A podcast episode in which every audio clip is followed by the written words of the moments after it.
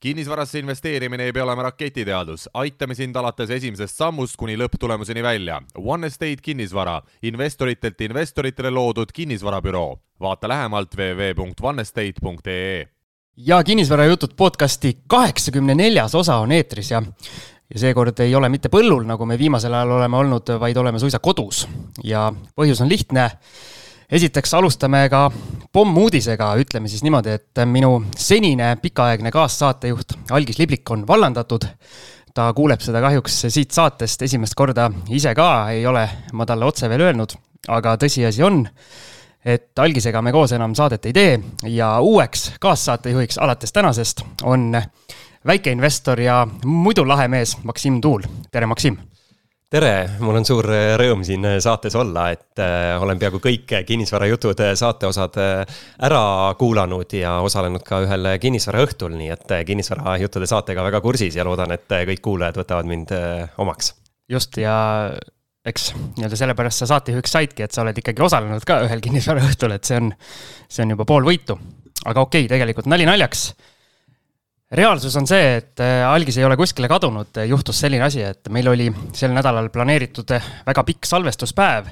suisa kolm külalist oli kokku lepitud, kes pidid saatesse tulema, õigemini neli külalist kolmeks osaks, ühes osas pidi olema kaks külalist korraga.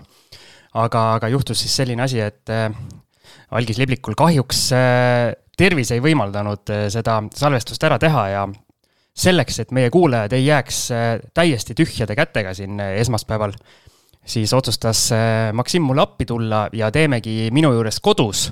ainsal rahulikul hetkel, mis mul siin kodus on, kuna kõik lapsed ja naised ja kõik asjad on ära saadetud, et otsustasime ühe saate ikkagi linti teha ja algis saab siis seda rahulikult kuulata ja ma loodan, et ta selle minuti pealt kinni ei pannud ja praegu, praegu kuskil äh, muremõtetes ei ole. nii, aga jutt siis selline, et Äh, Maksimist veel nii palju, et me tegime Maksimiga kunagi koos äh, sellist podcast'i nagu Eduvalem ja seal oli meil külas äh, seitsmeteistkümnendas osas oli kodanik Algis Liblik, kellest me siin juba mitu korda rääkinud oleme. ja tegelikult seal meil Algisega sai või idanes ka see mõte, et hakkaks kinnisvara podcast'i tegema. ehk siis Maksim, tegelikult sina oled selle kinnisvarajuttude podcast'i justkui ristiisa jah, nii võib öelda, et äh, selles mõttes, äh, kuna mina Algise sinna saatesse ju kutsusin, et siis äh, ja seda saadet nagu vedasin ja tuleb välja, et jah, sealt kasvas siis välja kinnisvarajuttude saade ja eduvalemi saade on juba väga pikal pausil, et võib-olla peaks selle ka uuesti elustama, et. me saime veel, liiga edukaks. jah, et veel uued ja suurepärased saated äh, ilma sünniks. aga on uhke tunne ka, et äh, põhimõtteliselt ilma, ilma sinuta nii ägedat äh, podcast'i kui kinnisvarajutud ei eksisteeriks üldse jaa, väga uhke tunne, et äh, tõesti selles mõttes, et mina olen olnud kinnisvarajutud kuulajad ja pean teid kiitma algisega. Äh, et äh, teete head asja ja, ja on olnud põnev kuulata ja mitte lihtsalt põnev, vaid selles mõttes, tõesti teadmisi juurde saadud. aga suur-suur tänu nende ilusate sõnade eest. aga kuna me alguses siin algisele väikse nii-öelda vingerpussi mängisime, siis tegelikult jäi, jäi täpsemalt sisse juhatamata, et mis, mis mees sa, Maksim, oled, et ma küsingi otse, et mis tegelane sa oled selline? ütleme nii, et kuna tegu on kinnisvarajutud saatega, siis ma arvan, et sa ikkagi küsid äh, kinnisvara nurga alt ja võin kohe ära öelda, et äh, minul on üks üürikorter. lisaks olen siis investeerinud Efteni kahte kinnisvarafondi, Baltic Horizon fondi, lisaks ka kinnisvaraarendaja Hepsori aktsiad on mul, et ütleme siis börsi kaudu olen ma ei saa öelda suuremalt, aga ka veel äh, kinnisvaras sees. nii et äh, nii-öelda näpp on sisse kastetud või, või nagu öeldakse, et äh, annad näpu, siis võtab terve käe või? ütleme nii, et tegelikult see saade on mind ka inspireerinud nagu rohkem siia kinnisvara poole vaatama, aga paraku hinnad on ju kogu aeg kallid, et selles mõttes ei ole õnnestunud rohkem üüriobjekte saada, aga ma loodan, et äh, lähitulevikus. kusjuures tegelikult me oleme, või no mina olen äh, ja on algis ka tegelikult äh, varasemates osades korduvalt ka sinule viidanud, eks sa ise oled sellest aru saanud, võib-olla kuulajad nii täpselt mitte, et, et öö, oled päris pikalt öö, otsinud, aga ei ole leidnud. jah, vastab tõele, et öö, ütleme nii, et teatud hetkedel lihtsalt ei ole nagu leidnud õiget objekti või siis äh, jah, päris tihti tunduvad need hinnad liiga kõrged, olen paaril korral jõudnud nii kaugele, et ikkagi on juba konkreetselt läinud kauplemiseks ja ühe korra isegi jõudsin kokkuleppele, et nüüd ostan ära. Aga siis äh, ikkagi mulle tundus, et äh, selle korteri üles äh, putitamine on liiga keeruline, ütleme siis protsessina, kuna aega on vähe ja ja ka investeer-, investeerida tuleb liiga palju sinna korterisse juurde, et siis läheb hind liiga kõrgeks, no tagantjärele targana saan jällegi öelda, et et äh, täna on siis hinnad juba palju kõrgemad jällegi. kas see oli see korter, mida mina ka käisin vaatamas? ma ühte käisin vaatamas. jah, just, et äh, see oli siis äh, Kotka, Kotka tänaval ja ja ütleme nii, et äh, oleks hea hinnaga kätte saanud, seal me kalkuleerisime, et palju raha sisse läheb. täna ma ütlen. välja oleks oluliselt rohkem tulnud jah, välja oleks selles mõttes rohkem tulnud, et ma olen jälginud, et sealkandis, mida hinnad teevad, et ütleme nii, et kui ma ei oleks mitte midagi teinud siis ma täna müüks palju kallimalt ja selles mõttes isegi sellest, kui, kui nii-öelda toona oleks korda teinud. Nii et äh, jah, eks ma arvan, kõigil kinnisvarainvestoritel, kes meid kuulavad, on äh, ütleme, kaukast võtta päris palju neid lugusid, et mis siis oleks, kui. ja neid lugusid ilmselt tuleb veel investeerimisteekonna juures juurde ja juurde, aga, aga ei tasu ilmselt liiga nendesse kinni jääda jah, et eks siin äh, selline vana klišee tuleb välja, et ikkagi tuleb julgelt pihta hakata ja ära teha ja, ja ei tasu liiga kauaks mõtlema jääda, loomulikult hulljulgelt sisse lennata, et tegu on ikkagi tihtipeale suurte investeeringutega, et selles mõttes ka ei tasu. et tuleb nagu kaaluda, aga ei saa jääda mõtlema ja otsima. just, aga me valisime täna sellise teema, et mitte siis sukelduda päris äh, nii-öelda sada protsenti kinnisvara teemasse, vaid äh, rääkida teemal, mis otsapidi tegelikult käib läbi igast meie saatest, on algise üks lemmikteemasid, ma tean. ehk siis nii-öelda finantseerimine ja see raha kogumise pool ja kuidas kokku saada oma see omafinantseeringu osa või see sissemaksu osa, et, et kuidas rohkem teenida, et oleks rohkem, mida investeerida. väike selline luuletus siia. Kusjuures äh, kuulajatele nii palju, et me teeme seda podcast'i salvestust äh, reede hilisõhtul Eurovisiooni äh, see, mis iganes, finaal, finaalturniir või finaalkontsert käib meie selja taga ehk siis normaalsed inimesed on praegu kuskil teel Amigosse või Veenusesse, meie istume laua taga ja räägime, räägime teile kinnisvarajuttu aga see oli hoopis asi, mida ma ei tahtnud öelda tegelikult. ühesõnaga, meie teema on, et kuidas äh, koguda investeerimiseks lisakapitali või kuidas teenida rohkem raha. ja siis äh, räägime või üritame rääkida nii palgatöötaja vaatenurka, nii ettevõtluse koha pealt. me mõtleme siis siinkohal väikeettevõtlust Äh, ja siis ka selliseid nii-öelda kombineeritud variante, mida iga inimene vastavalt oma võimetele või soovidele või ajale või mis iganes, et kuidas ta paika panna saab, et on mul, on mul õigus? Jah, et äh, ma võib-olla hakkakski vaikselt selles mõttes pihta, et et mina siis esindan tegelikult neid inimesi, kes käivad palgatööl, on käinud päris pikalt siis ja, ja öeldakse, et palgatööga rikkaks ei saa, aga samas palgatöö on ikkagi kindel töö, sul on kindel sissetulek, mis alati tuleb. Ja tegelikult äh, ütleme nii, et äh, investorite hulgas ja siin äh, üldsuses on ju viimasel ajal kogu aeg juttu, et kui saad vähe palka, et siis kuidas, kuidas küsida palka juurde, et et eelkõige siis Kristi Saare on seda, ütleme, teemat siin vedanud, et aga teistpidi öeldes, et kui me räägime nüüd näiteks investeerimisest või ütleme, laenu saamisest, siis tegelikult ju ikkagi esimene laen, mida inimesed tavaliselt võtavad ja tasuks võtta või võib-olla isegi mitte ainult esimene, vaid esi, mõned esimesed, on kodulaenud. ja kodulaenu ikkagi on äh, ilmselgelt äh, lihtsam saada, kui sa oled palgatööline, et seal kes ettevõtlusega tegelevad, need tihtipeale sellist, äh, ütleme siis palka välja maksta endale seal kõikide maksudega ei taha, et. seal on see küsimus, et ka kui sa oled nii-öelda ise ettevõtte omanike ringis ja maksad justkui endale siis palka välja, siis, siis pangale, ma saan aru, see üldse eriti ei meeldi. et nende jaoks on siis kuidagi nagu topeltriskid, kuigi kuigi nii-öelda loogiliselt võttes, seda on hästi palju räägitud ka, et loogiliselt ju tegelikult nii-öelda ettevõtte omanik ise meelega oma ettevõtet vaevalt hakkab kotti laskma. Aga nii-öelda palgatööst lahti saada on äh, kordades nii-öelda kergem minu meelest. Jah, et äh, aga ühesõnaga, tulles tagasi siis palgatöö juurde, et esiteks äh, kindlasti on see kindel sissetulek ja kes ütleb, et äh, palgatöö kõrvalt ei ole võimalik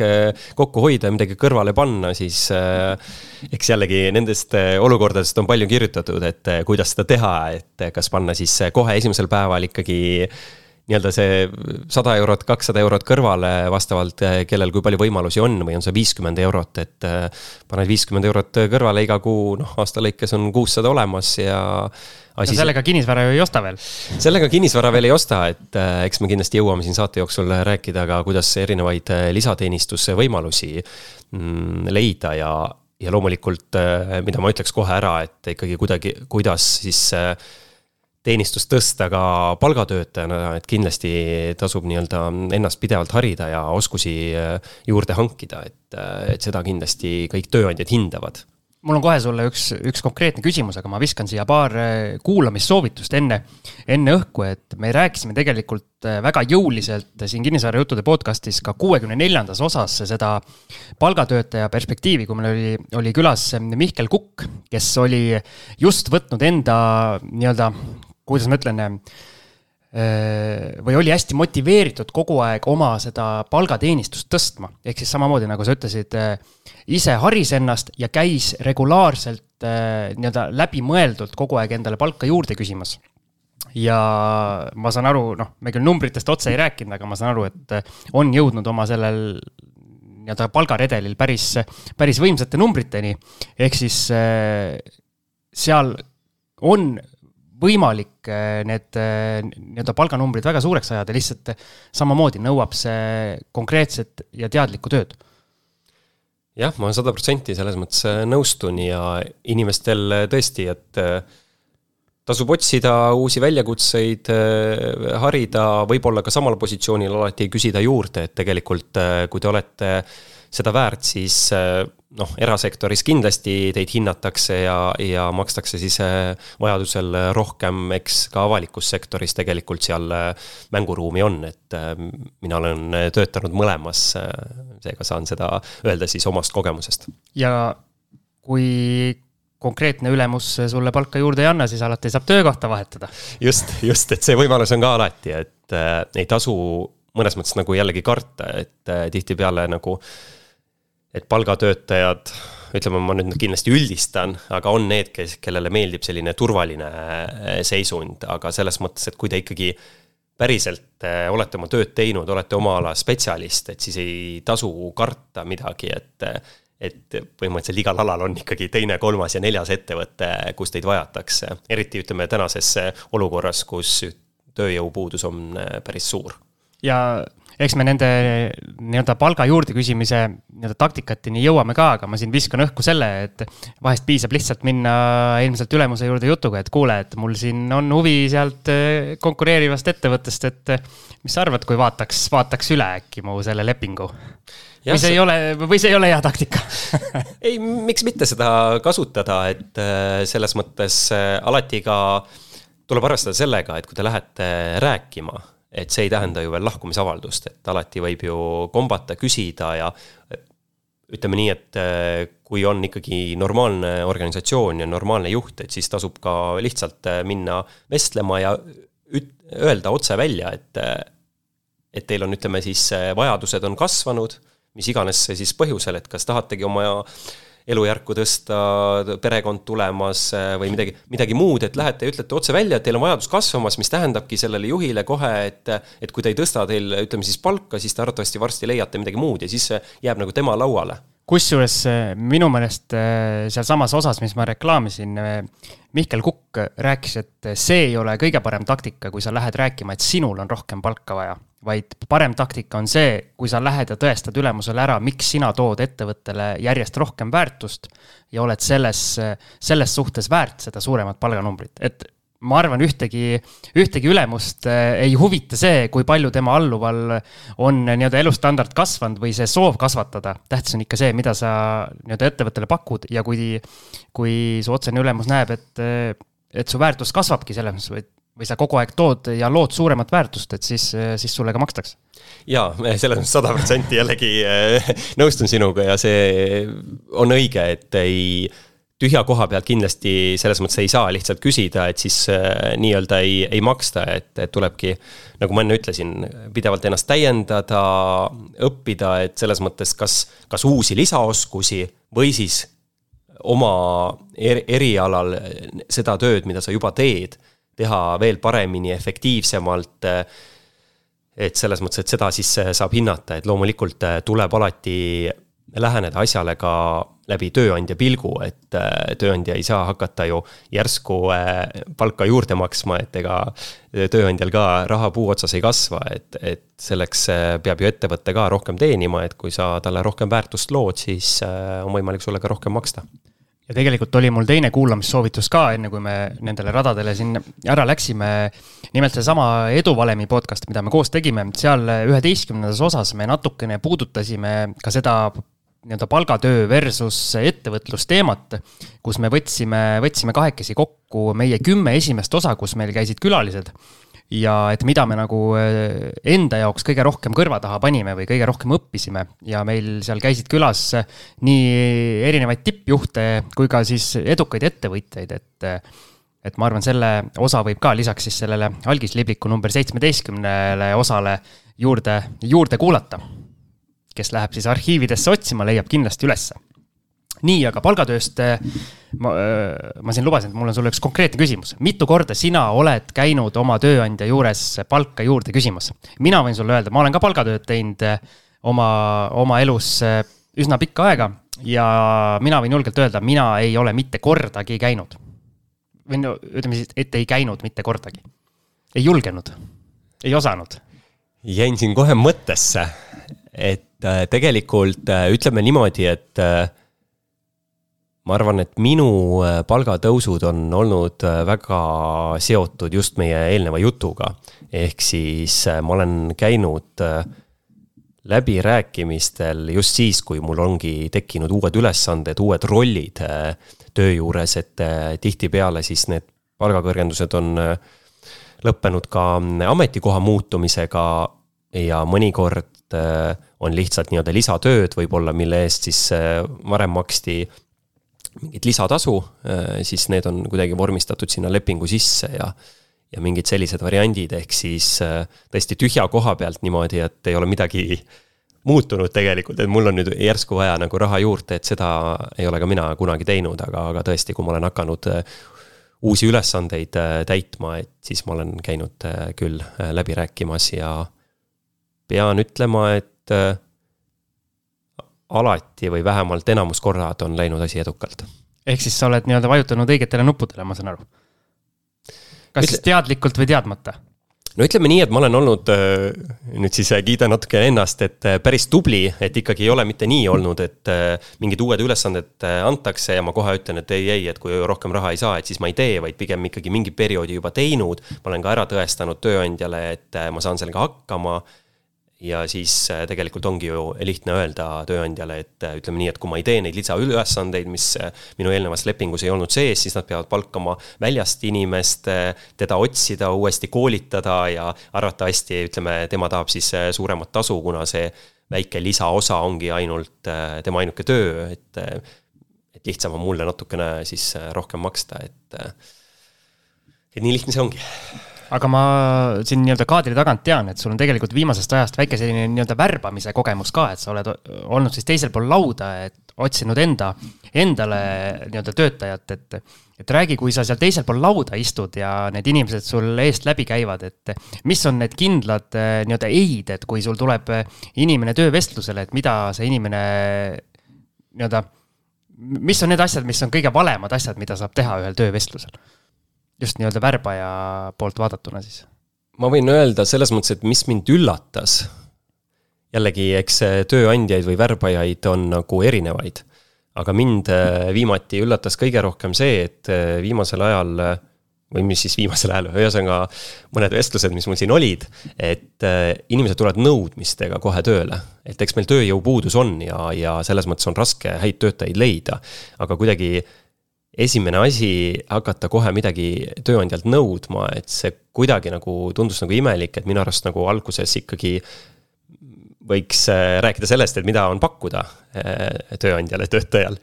ja siis võib-olla jõuda selles mõttes kuidagi asjadeni, et jah, et mis on nagu siis äh, ka sinu tingimused, et. no aga võib-olla meil ongi nii-öelda see nii-öelda tööturg on praegu selline, et tööjõu kätepuudus on nii suur, et töötajad saavad nõuda, et on see nii-öelda töövõtjate turg, nagu on ka kinnisvaras vahest, et vahest on müüjate turg, vahest on ostjate turg, et kes nii-öelda dikteerib, see saab ka nõuda. võimalik, ma ütlengi, et see ei pruugi vale olla, äh, mida siis ütleme seal äh, need inimesed tegid, aga lihtsalt see oli nagu üllatav. aga üldiselt äh, ma tahaksin öelda, et kõige tähtsam ikkagi, vähemalt minu jaoks, on inimese suhtumine. et õige suhtumisega on kõik võimalik ja selles mõttes, et et oskused äh, saab äh, omandada ja, ja kõik asjad ära õppida ja igal juhul, kui sa uuele tööle lähed, kui see ei ole, ütleme, väga selline spetsiifilise oskusega töö, kus äh, tehakse väga kindlat liigutust, siis ikkagi erinevates organisatsioonides erinevad ametikohad nõuavad natukene erinevaid oskusi, natukene erinevat tegutsemist. ehk siis tulles tööle on vaja näha, et sul on selline hea suhtumine, sa oled hästi kohanev ja pigem nagu sellised äh, iseloomuomadused on võib-olla isegi olulisemad kui äh, mingid äh, eelteadmised. aga ma küsin sult sellise küsimuse, et võib-olla siis see on ka sinu poolt nii-öelda tunnetuslik vastus, et kui palju sa vastavalt, mis inimestega lävid ja et kui palju sa näed sellist kontingenti, kes tundub, et keda on nii-öelda päris palju, et ongi, et nad, nad küll kiruvad äh, nii-öelda sõprade hulgas ja võib-olla ma, mõni ka avalikult, et palk on madal ja, ja töö on halb ja päevad on pikad ja töö on raske ja tööandja on loll ja mis iganes. aga nagu me siin saadet alustasime, et nad ei, ei hari ennast nad ei ole motiveeritud võib-olla isegi seal nii-öelda redelil proovidagi nii-öelda kuidagi ülespoole liikuma, et eh, kui palju neid inimesi reaalselt on? no kui palju, ma ei oska öelda, aga ütleme nii, et. on see enamus või vähemus? ma ei julge siin mingeid numbreid välja käia, pigem eh, ma ütlen, et ka mina olen kokku puutunud eh, selliste inimestega ja mõnes mõttes võib ju neid mõista, et. et sa oledki seal nagu orav rattas, käid tööl, siis on mis iganes muud perekondlikud kohustused ja hommik jõuab kiiresti õhtusse ja uus hommik läheb peale, aga inimene peab enda jaoks teadvustama, et kui sa tahad ikkagi muuta midagi, et siis võib-olla hetkeks on mõttekas nii-öelda korraks pidurit tõmmata, astuda üks samm tagasi, selleks, et liikuda edasi, et see kuidagi muutuks, et, et kui te tunnete, et te olete ikkagi nagu orav rattas ja, ja te ei ole rahul sellega, et siis äh, tehes sedasama asja edasi, siis ilmselgelt nagu teistsugust tulemust ei tule. et äh, julgeid samme proovida kasvõi tasapisi, et igalühel meil tegelikult on need kas viis minutit, pool tundi, tund aega seal päevas. et selle asemel, et võib-olla seda kuskil sotsiaalmeedias veeta, et äh, pühendada see eneseharimisele, mingite oskuste omandamisele, midagi sellist no mul on tunne, et äh, arvestades, kui palju inimesi vaatab igasugu rannamajasid ja Tantsud tähtedega või mis iganes need äh, kuulsad saated on, siis inimestel on roppu möödi ikkagi aega üle minu meelest. no just, et selle asemel võiks ju võtta raamatu kätte ja tänapäeval on äh, internet ja kus saab nii palju tasuta infot isegi kui veedate seal Youtube'is aega, et siis ärge vaadake, kuidas kass jälle kuskilt alla kukub või kuhugi vahele lendab, et eh, pange käima, õppige mingi asi ära. kuidas eh, torulukksepa töö käib, et. Eh, oi, seda, seda mul oleks vaja no just, et selles mõttes, et kohe on siis töö ots olemas just, üks klient on olemas, kelle juurde on vaja tulla et ma tean, et Siim, et sinagi ju tegelikult äh, siin väga sellist äh, ehitusasja ei ole kuskilt äh, ametlikult nagu õppinud, aga. ma ei julge seda kõva häälega öelda. aga tänasel päeval oled võimeline ikkagi põhimõtteliselt nullist peaaegu korteri üles ehitama, et see on ju muuseas õpitud. see on hea, et selline mulje on jäänud nullist sajani, see on, see on suurepärane. reaalsus on kuskil mujal, aga lähme edasi okei okay,, aga kas meil on palgatöö kohta veel, veel midagi rääkida, mida sa nagu tahaks, tahaks südamele panna, et eh, kas siis kuidas eh, edasi jõuda või,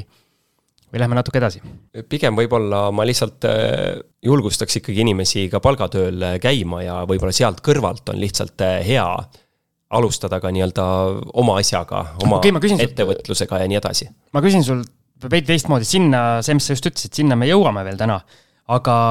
kui inimene on ikkagi täiesti rahulolematu, on, äh, ma usun, päris, päris kenake hulk inimesi, kes hommikul ärkab ikkagi suure vastikustundega, et ta mhm. peab taas tööle minema ja kui on reede kell viis, äh, ma tean, paljud raadiojaamad elavad selle pealt, et neil on isegi saated, et või kus loetakse tunde reede kella viieni et äh, see ei ole hea koht, kus olla minu meelest. et mida sa nendele inimestele ikkagi selle saate osa lõpuks ütleksid, et kuidas, kuidas sealt lõpuks välja murda ennast? Korraks, eh, enne kui ma vastan su eh, küsimusele, ütleks ka seda, et eh, tõepoolest palgatöö võib olla väga hea ja ei pea alati siis liikuma sinna suunas, et kuidas sellest nii-öelda vabaks saada, et mina võin praegu käsi südamel öelda, et mulle praegune töökoht väga meeldib. mina käin seal rõõmuga, et selles mõttes, et ma võin küll asju lisaks ka teha aga see ei tähenda, et ma kuidagi nagu mõtleks, et eh, kuidas ainult nüüd eh, panna oma ettevõtlus püsti ja, ja sealt ära minna, et mina olen väga rahul ja, ja käin rõõmuga ja kui olukord ongi selline siis ei olegi ju vaja kuhugi eh, mujale liikuda, aga kui nüüd tõesti on niimoodi, et sa loed tunde, minuteid ja esmaspäev on see kohutav päev, kui peab jälle minema. ehk siis nagu kunagi mingis vanuses koolilapsel, et nüüd peab jälle kooli minema, et siis ilmselgelt miski vajab muutust ja, ja seal peab inimene nagu üle vaatama, et mis teda siis ikkagi häirib, mis, mis talle seal ei meeldi. ja kas rääkima mõnikord lihtsalt töökollektiivis asjad selgeks. võib-olla on tegu organisatsiooniga, kus talle ei meeldi töötada, et tegelikult talle tema enda töö meeldib siis tuleks valida teine organisatsioon ja kui sulle töö ka ei meeldi, no siis võib-olla ikkagi me jõuame jälle tagasi sinna algusesse, et äh, õpi midagi uut tegema ja, ja sul on võimalik oma elu teha palju rõõmsamaks. Aga ma ei oska mitte midagi muud teha no aga just ütlesin, et selles mõttes, et õpi, eks vabandusi leiab alati. aga mul ei ole aega, et õppida jällegi ka tuleme tagasi sinna, et tee korraks paus. ma saan aru selles mõttes inimestest, et tõesti eh, on madalapalgalised inimesed. Eh, neil ei ole midagi kõrvale pandud ja sa pead iga päev sealt käima, aga siis jällegi me jõuame ka tagasi sinna, et sul on päevas mingid vabad hetked. alati ei kõigest, võib-olla mingi periood isegi eh, tuleb magada vähem öösel mina olen küll väga selle nii-öelda tervislike eluviiside propageerija, et liikuge palju, äh, magage vähemalt äh, kaheksa tundi, sööge regulaarselt ja nii edasi. aga äh, teatud perioodidel võib-olla selleks, et mitte siis kogu elu kannatada, mis hakkab su vaimsele tervisele, sealt edasi läheb füüsise, füüsilisele ja nii edasi, siis tuleb lihtsalt rohkem pingutada mu lapsed naeravad selle kaheksa tunni une jutu peale muidugi, aga teeme siia väikese kõllipausi ja siis lähme juba vaikselt eh, nii-öelda ettevõtluse suuna peale edasi.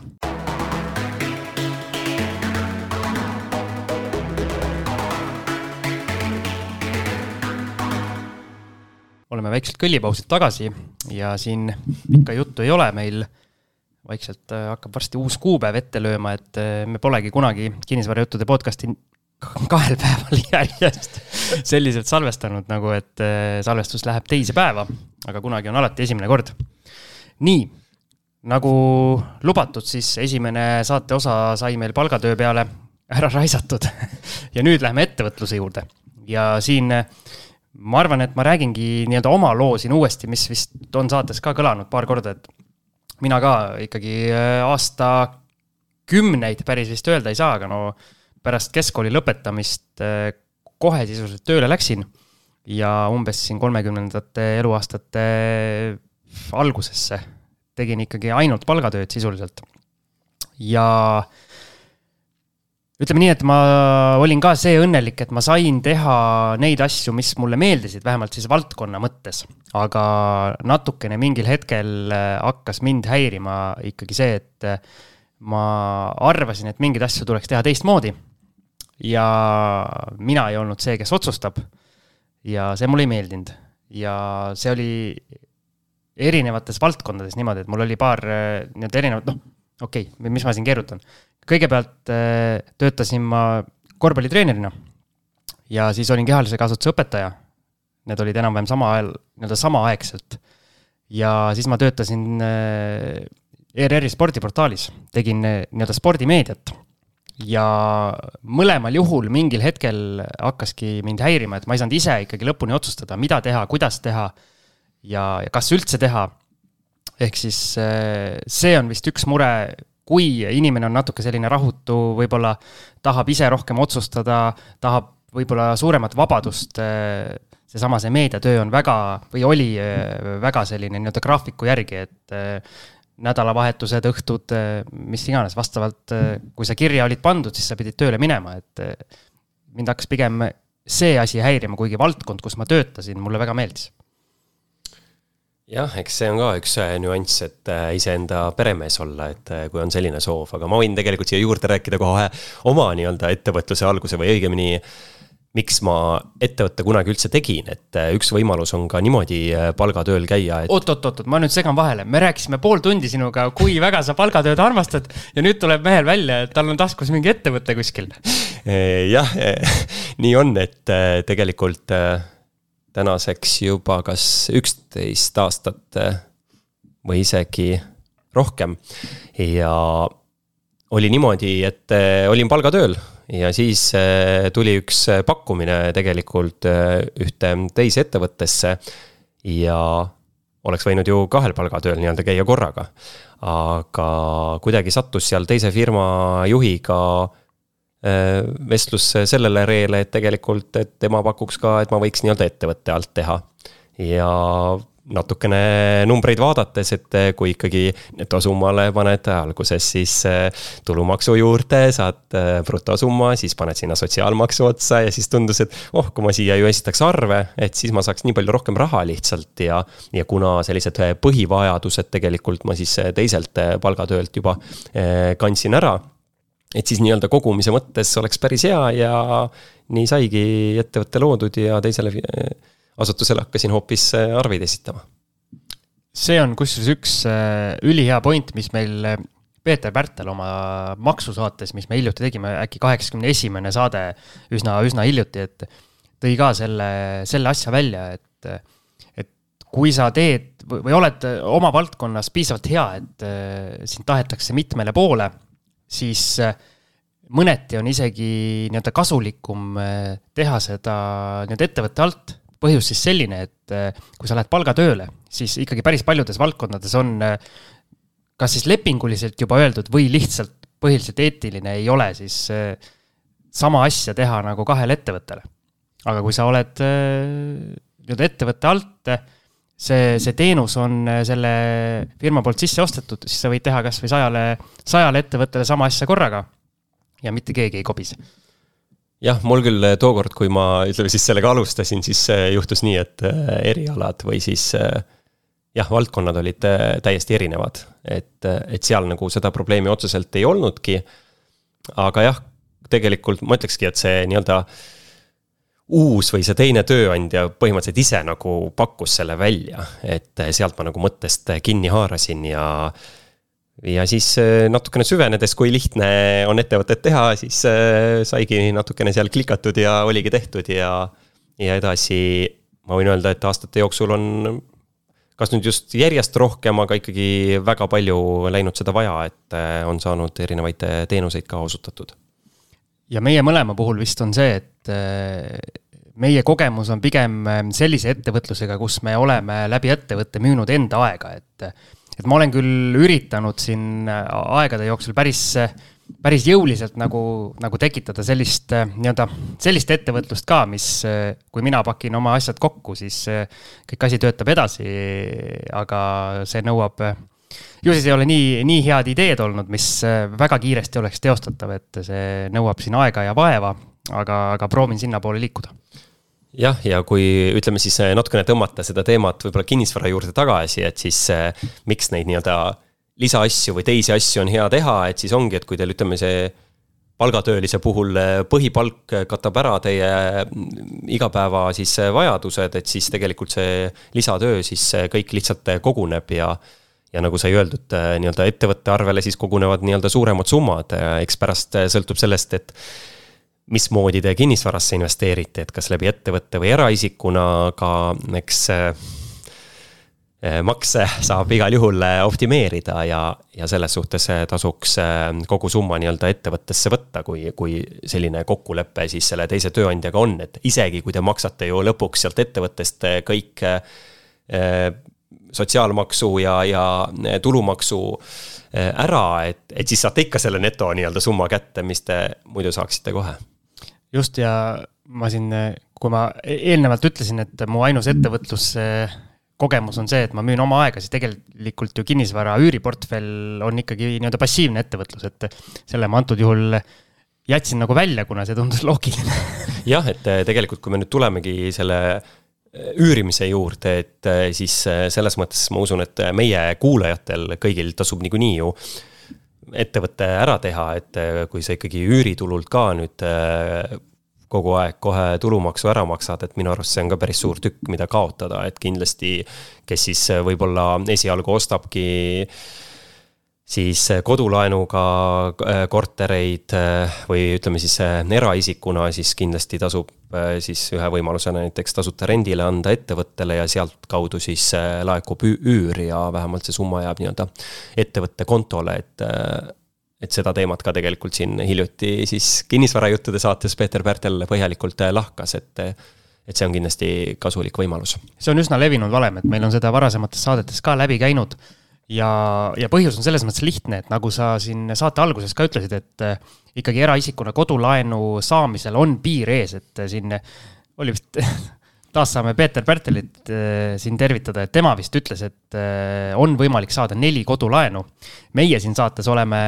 silmast silma kohanud inimesi, kellel maksimaalselt on kolm kodulaenu, aga ikkagi seal on piir ees, et noh, ütleme siis, et üle nelja ei ole reaalselt vist võimalik saada et äh, siis on juba samamoodi, et sa eraisikuna pead, äh, pead võtma mingi mis iganes äh, kinnisvara tagatisel juba sellised tavalised laenud, mis tegelikult intressilt lähevad ilmselt umbes samasse kategooriasse kui, kui ettevõtte alt tegutsedes. et hästi paljud investorid jõuavad mingil hetkel ikkagi sinna, et on vaja ettevõte teha just sellepärast, et see maksu, maksu küsimus on, kuidas ma ütlen siis, optimeeritud või siis äh, nii-öelda investori, investori vaates natuke kasulikum. et äh, ja siis ettevõtlusega tegutsedes, kui sul ikkagi tuleb mujalt ka aktiivset rahavoogu, siis äh, pangajutule minna on kordades-kordades kergem, et ma võin seda omast käest öelda, minu ettevõte oli tegutsenud äkki neli, neli aastat umbes, kui ma läksin, kui ma läksin panka ja mul ei olnud küsimust saada esimese korteri jaoks äh, üsna headel tingimustel kohe laen peale, ei tekkinud üldse mingit küsimust äh, ja, ja läks nagu üsna lepase reega. Jah, ma võin öelda, et viimastel aastatel on pangad päris äh, heldeks, heldeks ja leebeks läinud, et tegelikult minu ettevõttel on suhteliselt ikkagi väike see regulaarne sissetulek, aga mulle ka tegelikult äh, nõustuti siis sellesama Kotka korteri puhul, äh, millest me siin saate alguses äh, rääkisime, mida ma küll lõpuks ei ostnud, aga, aga pank oli valmis tegelikult laenu andma, et selles mõttes võib öelda jah, et pangad on helded aga ühesõnaga, tulles, nii-öelda tulles minu puhul nüüd, kuna me siin endast räägime ja kiidame üksteist või ja ennast või mis iganes, siis tulles natukene jutust tagasi, et miks mina otsustasin selle pöörde teha, et palgatöö lõpetada või palgatöö kui sellise lõpetada ja minna rohkem ettevõtluse peale, siis, siis põhjuseks oligi see, et ma tahtsin rohkem oma elu ja tegemisi kontrollida. Ja kuigi alguses, no mina olin hästi selline konservatiivne nagu ma siin rääkisin ka, et ma ei olnud kunagi palka juurde käinud küsimas, ma ei julgenud. ma ikkagi jah, mõtlesin selle peale, et kui ma ise töölt ära lähen või selle nii-öelda lahkumisavalduse esitan, et et siis kuidagi, mis ma siis edasi teen ja mis siis saab ja, ja et siis on nagu katastroof, et kui mul midagi ei õnnestu ja aga, aga kuidagi jah, ma selle otsuse tegin ja otsuse tegi muidugi lihtsamaks see, et ühel hetkel ma vaikselt hakkasin kõrvalt, kõrvalt tegema nii-öelda hobi korras ütleme siis tegelema fotograafiaga, spordifotograafiaga ja, ja mingil hetkel ma vaatasin kuna mulle meeldib igasugu Exceleid ja tabeleid täita siin, siis ma hakkasin vaatama, et kuidagi, kuidagi see fotograafia osa sealt ettevõtte alt, et, et see hakkab juba vaikselt nagu nii-öelda igakuisele palgale hakkab nagu, nagu järele jõudma. samas äh, aega selleks ju ei ole sama palju kui, kui igapäevasele palgatööle ja siis mõtlesin, et, et äkki ikkagi kuidagi see muutus on võimalik, lihtsalt ma pean oma peas välja mõtlema ja leidma selle julguse ja ühel hetkel ma seda tegin ja siis oligi põhimõtteliselt niipea, kui ma selle otsuse tegin,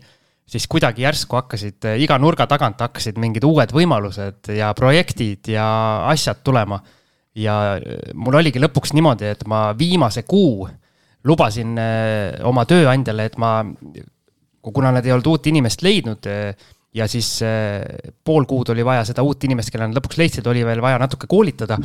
et ma lubasin äh, ära teha niimoodi, et ma juba kõrvalt tegin uusi asju, ehk siis äh, justkui nagu kahte, nii-öelda kahte siis äh, tööd korraga, kui nii saab öelda. et üks, üks asi, mis mina ka kuulajatele ütlen, et reeglina on niimoodi, et kui sa ühe ukse ise kinni paned, siis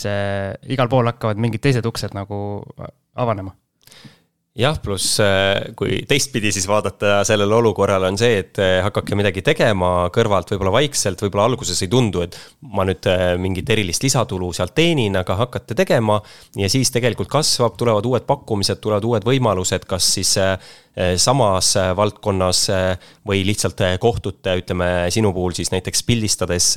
paljude inimestega, kes võib-olla siis pakuvad sulle mingit muud nii-öelda tööd või võimalust ja tegelikult, kui sa selle fotograafia siia sisse tõid, et siis, et kust üldse alustada äh, nii-öelda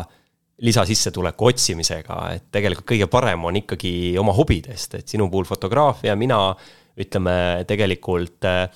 olin käinud äh, erinevatel üritustel palju, ütleme õhtujuhina te tegutsenud ja siis oli hea sellist õhtujuhi moderaatori teenust hakata pakkuma.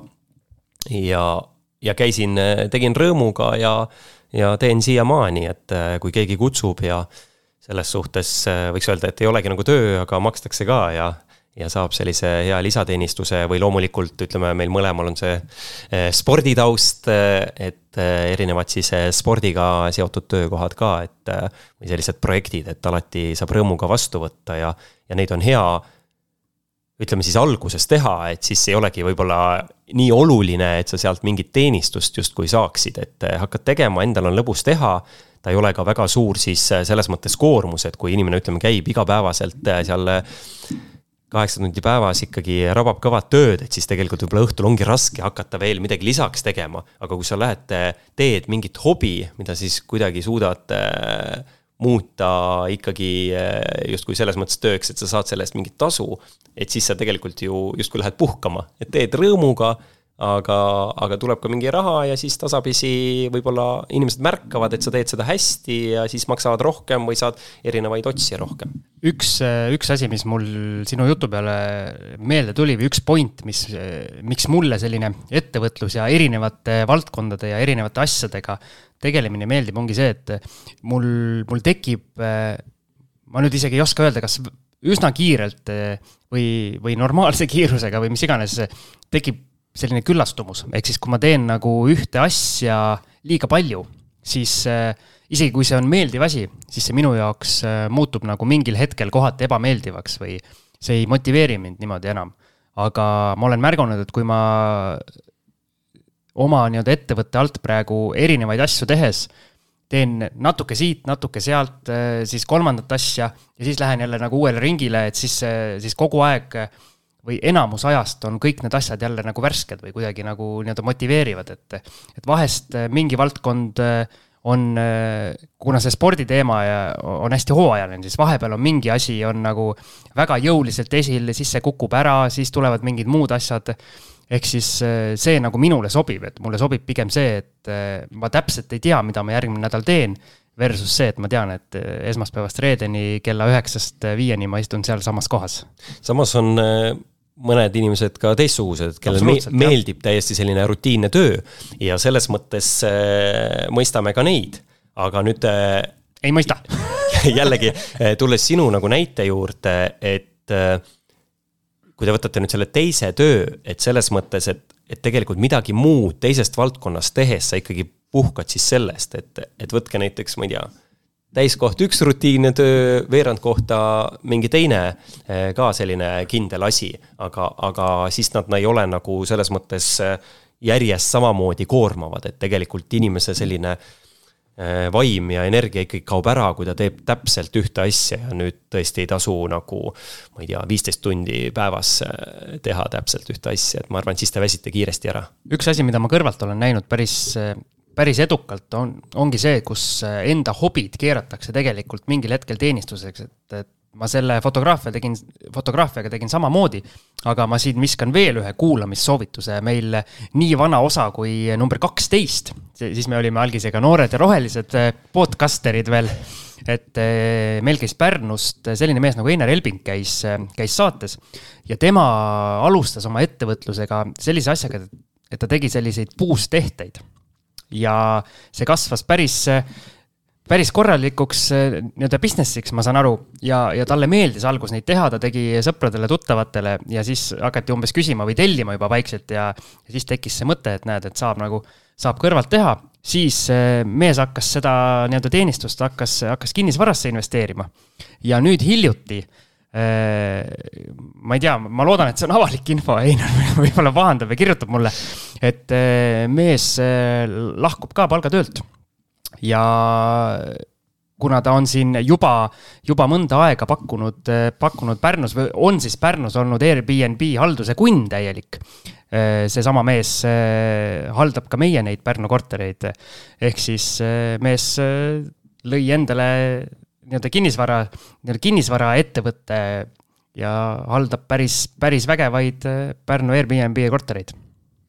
Jah, ma küll igaks juhuks ütleks siinkohal taas kuulajatele palgatöölisena, et eh, kõigil ei pea olema eesmärk eh, ikkagi palgatöölt ära tulla ja selles mõttes, et kui rääkida sellest lisateenistusest, et miks seda siis luua või nii, et ikkagi, et olekski teil siis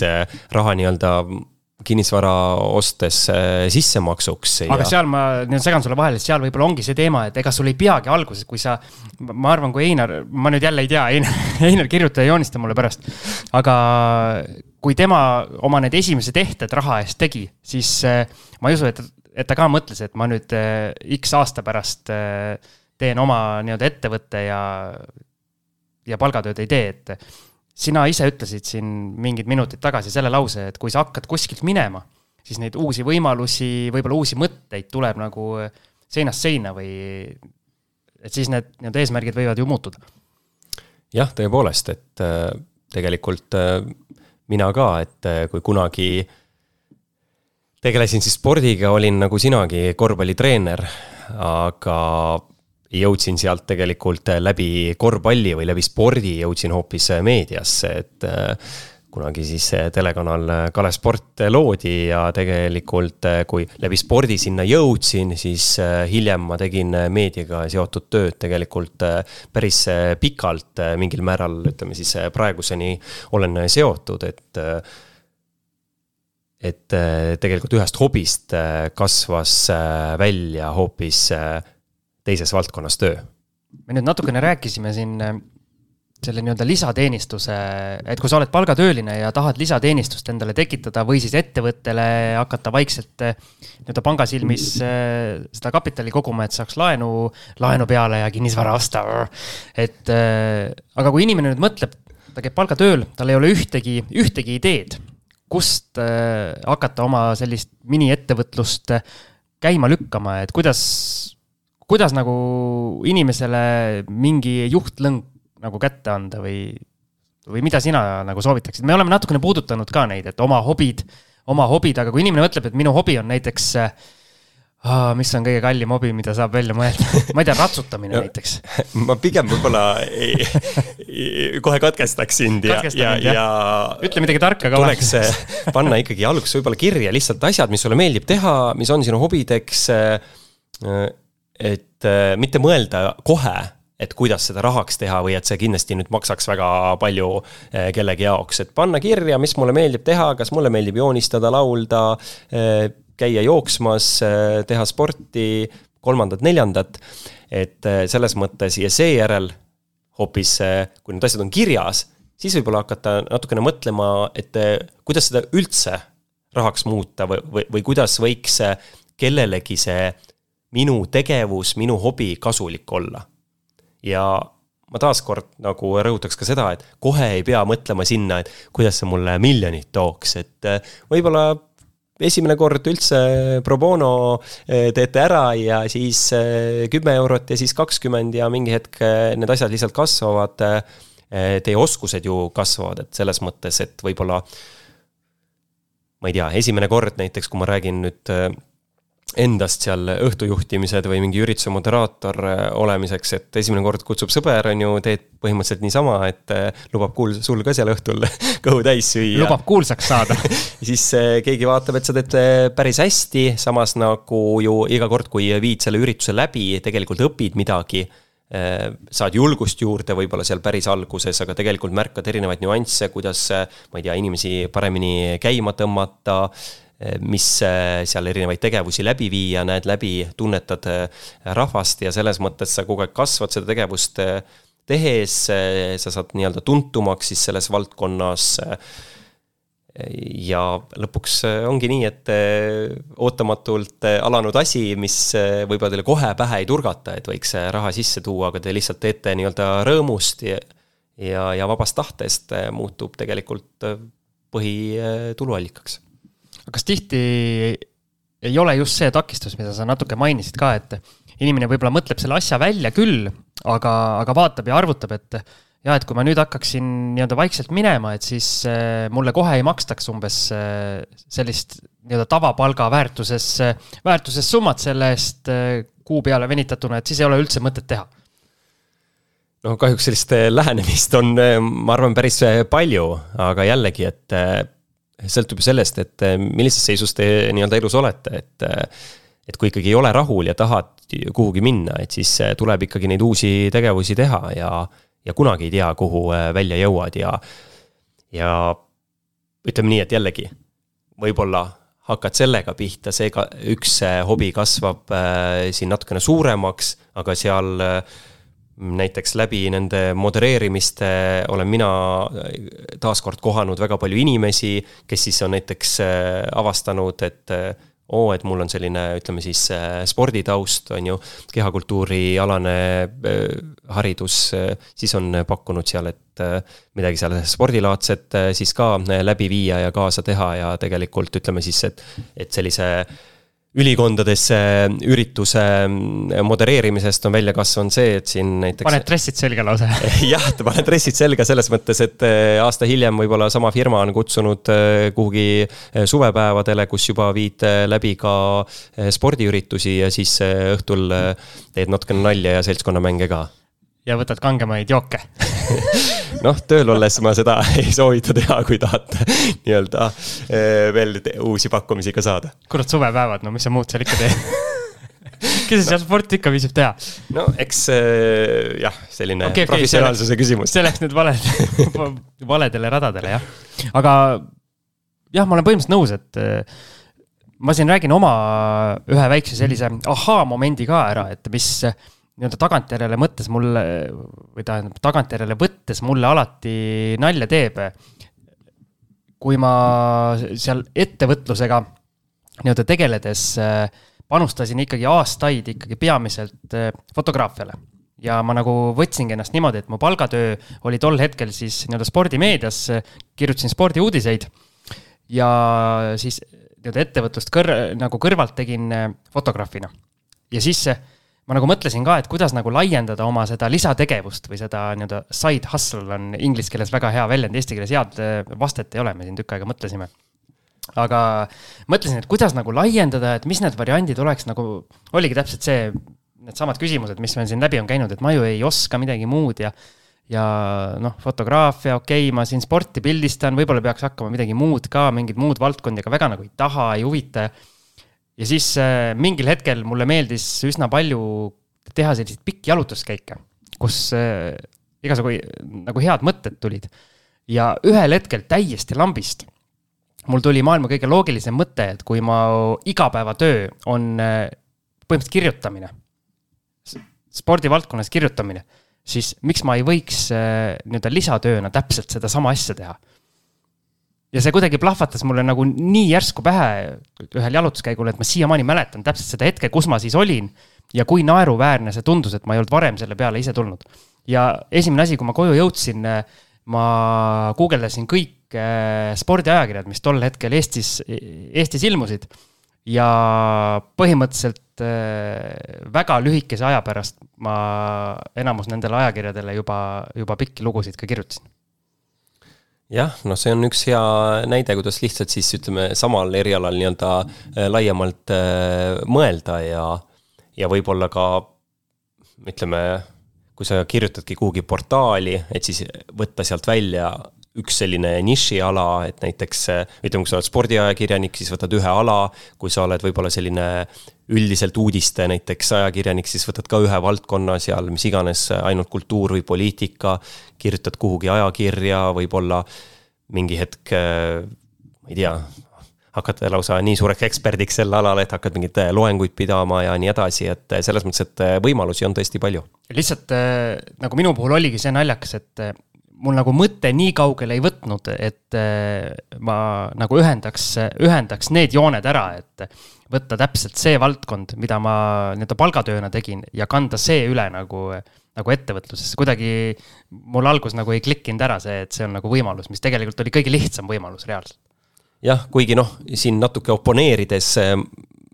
tuleme tagasi selle juurde, et kui ma ütlesin, et ütleme, sama asja veel lisaks teha ütleme siis palgatööle, kui sa teeksid, ütleme seda täiskohaga siis äh, nii-öelda päeval ja, ja siis enne või pärast veel, äh, veel juurde, et, et see muidugi väsitab äh, mingi hetk, ma arvan, ikkagi iga inimese ära, hoolimata sellest, kui väga ta ei naudi, et et äh, päevast päeva siin äh, kümme pluss tundi teha ühte sedasama asja, et äh, ma ütlen, et võtke, ostke endale külmkapp täis jäätist ja sööge iga päev kilode viisi ja ma kinnitan teile, et päris varsti te enam ei taha miks okei okay,. ei ole järgi proovinud, aga olen üsna veendunud selles. ma saan su pointist aru, kuigi jah, ma tahtsin rumalat nalja teha, aga ma ei tee. aga ma siin selles osas oponeerin, et äh, me tegelikult, äh, isegi sina vist ütlesid selle, selle ka välja, et, et ega mina ka enam neid äh, nii-öelda ajakirjadele ei kirjuta, ma ei tea, kas need ilmuvadki enam, paljud ajakirjad pandi kinni siin, kui see koroona oli. aga, aga point oli selles, et ma astusin järgmise sammu ja need sammud on viinud mind juba hoopis järgmistesse, nii-öelda järgmiste võimaluste juurde ja nagu nagu teekonnal edasi, et nüüd äh, selle asemel, et teistele kirjutada, ühel hetkel, kuna see ettevõtluse soov või soov ettevõtlusesse minna äh, läkski nii suureks, siis ma hakkasin ise portaale looma, ehk siis astusin sammu veel edasi, ehk siis ühest väiksest sammust sai järgmine ja siis juba nii-öelda suuremad hüpped edasi. jah, et tegelikult äh, ma siin pööraks veel tähelepanu sellele, mida sa siin ka varasemalt rääkisid, et sinu puhul siis, kui sa tegid seda tööd, et sul ei olnud tegelikult äh, selle töö vastu otseselt nagu midagi, sulle see meeldis, aga sinu jaoks oli võib-olla oluline see äh, vabadus, et sa saaksid ise oma aega planeerida ja teha asju nii, nagu sina soovid, et siis sa tõesti nagu samas valdkonnas algatasid siis äh, uue asja ja said äh, pärast, võiks öelda, ise selle üle võtta või siis täielikult sinna üle minna, et, äh, et jah, et kindlasti tuleb väga täpselt endale selgeks teha, et mis teile praegu ei meeldi, mida te siis oskate teha, tahate teha. just, aga meil on siin üle tunni aja on, on juttu räägitud, et hakkame vaikselt selles osas kokku tõmbama. et et. Äh, ma mõtlesin, et hakkame vaikselt hoogu üles saama no vot, see on see, et algus ei saa minema ja pärast ei saa pidama või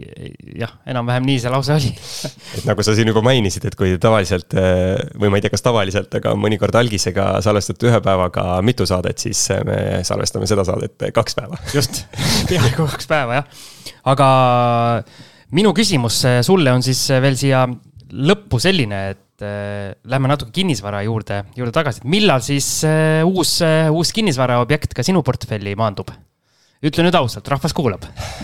nüüd panid küll äh, suured äh, pinged peale.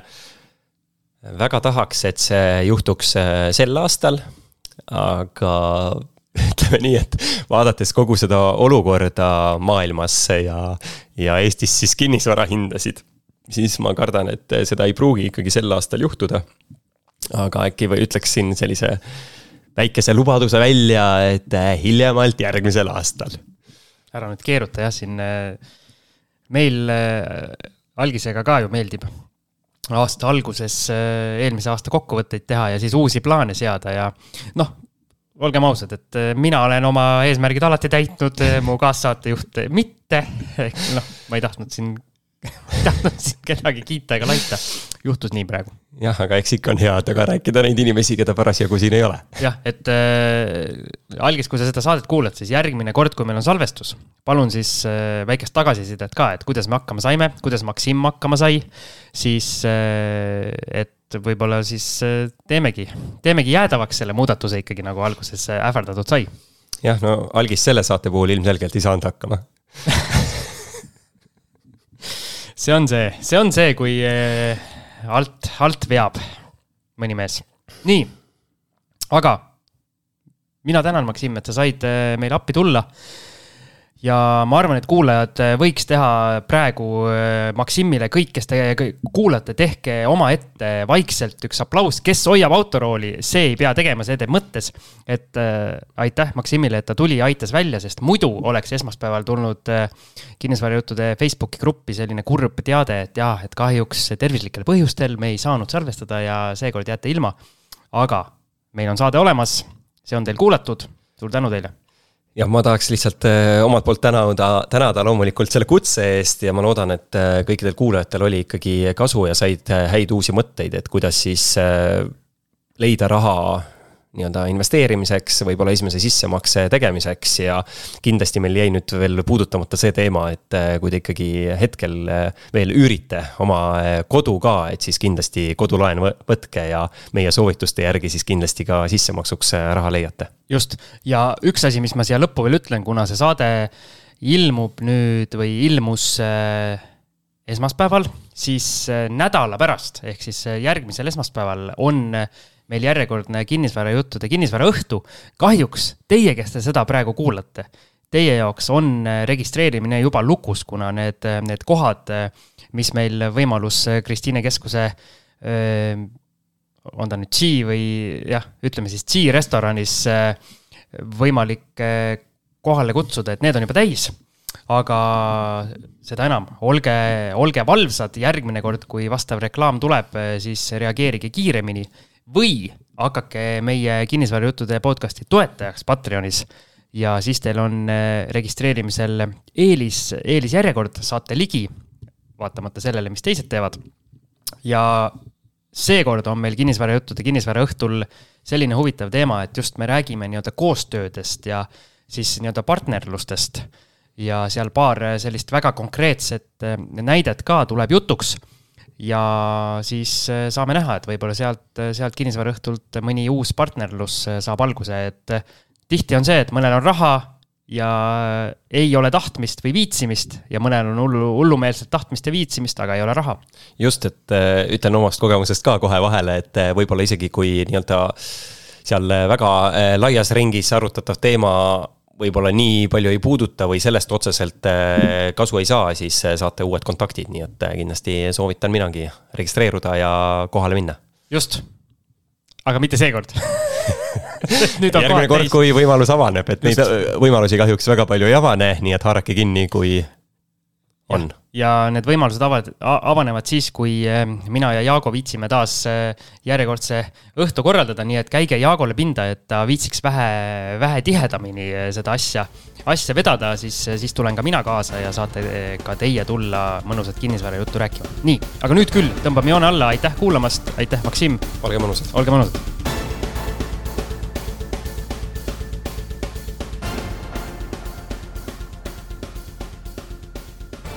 Kinnisvarainvestoritele loodud kinnisvarabüroo, aitame sind alates esimesest sammust kuni lõpptulemuseni välja. vaata lähemalt www.onestate.ee